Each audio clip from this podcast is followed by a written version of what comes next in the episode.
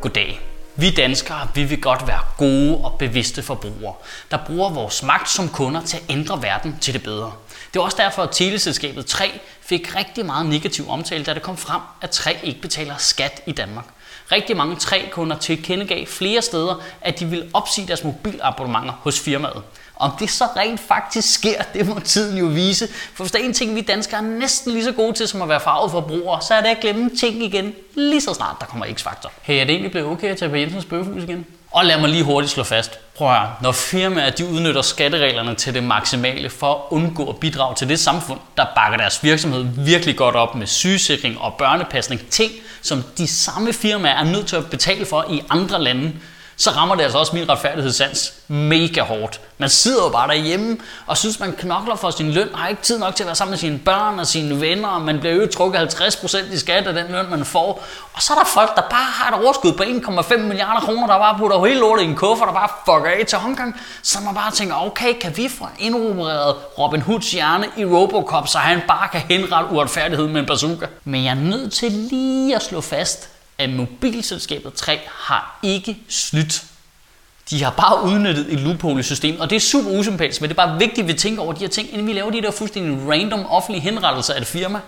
Jeg synes, det er super sejt, at man vil straffe firmaer, der ikke betaler skat i Danmark, men så skal du ikke kun gå ud over tre, fordi du lige synes, de har lidt dårlig dækning så skal du være konsekvent omkring det, så er du også nødt til at være med at drikke cola, eller spise ting fra Kellogg's, eller Nestlé, eller Fresco-is, eller kraftdressing, eller lade være med at købe benzin på Q8. Og det er bare lige de ting, der var nævnt i Skats rapport fra 2012. Det ændrer sig jo hele tiden. Forbrugeraktivisme er noget af det sejeste, der findes, hvis det er koordineret og hvis det er gennemtænkt, men du er nødt til at bygge det på noget mere end et indslag, du har set i TV2-nyhederne med far for at ødelægge den gode stemning, så er jeg lige, altså lige nødt til at pointere det fuldstændig tosset i, at folk er sure på tre over, at de har fulgt reglerne, men stadigvæk ignorerer, at Lars Lykke er blevet taget i bevidst og snyde tre gange. Han rater stadigvæk som den mest troværdige af de to statsministerkandidater, vi har, af de samme forbrugere. Helt seriøst, hvor meget x-faktor har de sendt? Det kunne jo være, at hvis vi vælger politikere ind i Folketinget, der selv har en lidt lemfældig omgang med reglerne,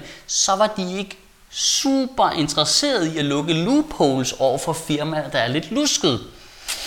Og hvor mange penge får de her politikere så af de her firmaer i støtte? Nå, det kan man ikke se. Ej, hvor grineren. Ej, det er for meget. Det er for meget. Jeg kan godt se det, hvor min sølvpapir er sat. Det er konspirationer til hele. Der var det fjollet. Det er fjollet. Om noget, så sidder man jo tilbage med følelsen som forbruger af, at intet er gennemsigtigt. Prøv at tænke på, hvor mange ting du skal tænke over som forbruger, hvis du bare vil være nogenlunde bevidst. Det er jo fuldstændig uoverskueligt. Altså, er det økologisk? Øh, har dyrene haft det godt? Er de blevet slagtet ordentligt? Hvad har de fået at spise? Har de fået som godnatsang en, der hedder Marie?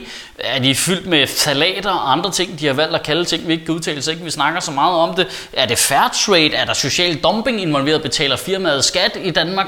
Altså, er der kolibakterier i? Er kødet gammelt? Altså, det er jo fuldstændig umuligt for os at holde styr på. Helt seriøst. Hvis, hvis vi ikke engang være sikre på, at der ikke er lortebakterier på vores agurker og vores hembær, det er da som minimum. Altså, man har sgu da ikke en chance længere efterhånden. Og, der, og hvorfor er det jo altid agurker og hembær, der er kolibakterier på? Altså agurker, det kan jeg godt se, hvordan det kommer på, men hembær, det giver ingen mening. Man får jo virkelig fornemmelsen af, at alle firmaer er bare ude på at hosle os for sindssygt. Og det ved jeg godt, de ikke er. Jeg opsummerer bare lige alle negative historier, jeg kan huske i en sætning. Men nogle gange så rammer det jo bare ind, når man står nede i supermarkedet, og man bare tænker, fuck mand, jeg, jeg kan jo måske købe tre varer herinde, og en af dem det er bæreposen. Man kigger desperat på sådan en varedeklaration, der bare er så fucking avanceret. Man bare tænker, det er jo sådan en ligning. Man bare kigger på, okay, kvadratroden af antal tegn i storytelling på pakke, divideret med antal svanemærker, ganget med prisen, minus antal billeder af mark. Problemet med vores flygtige farvelse som forbrugere er, hvis vi lige kigger tilbage på de ting, vi har været farvet over, nu er det tre, før var det Jensens Bøfhus, så var det Shell og Lego, så var det i Merkur og Kælervaser, så var det Danske Bank, der lige ignorerede deres rolle i finanskrisen med at lave New Standard reklamer, og før det var det Blomsterbutikken ved Magasin. Ja, den havde man allerede glemt, ikke? Problemet er, og nu er jeg lige lidt hård, det har ikke gjort en fucking forskel overhovedet.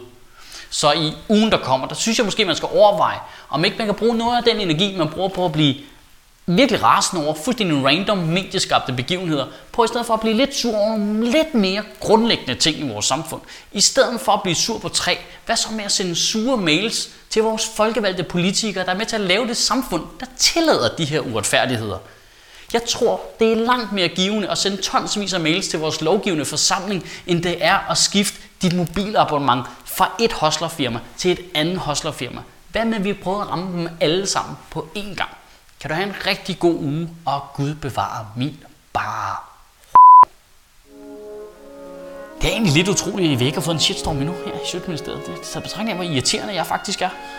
Måske det i virkeligheden, fordi det her det er shitstorm. Jeg er en enmands shitstorm.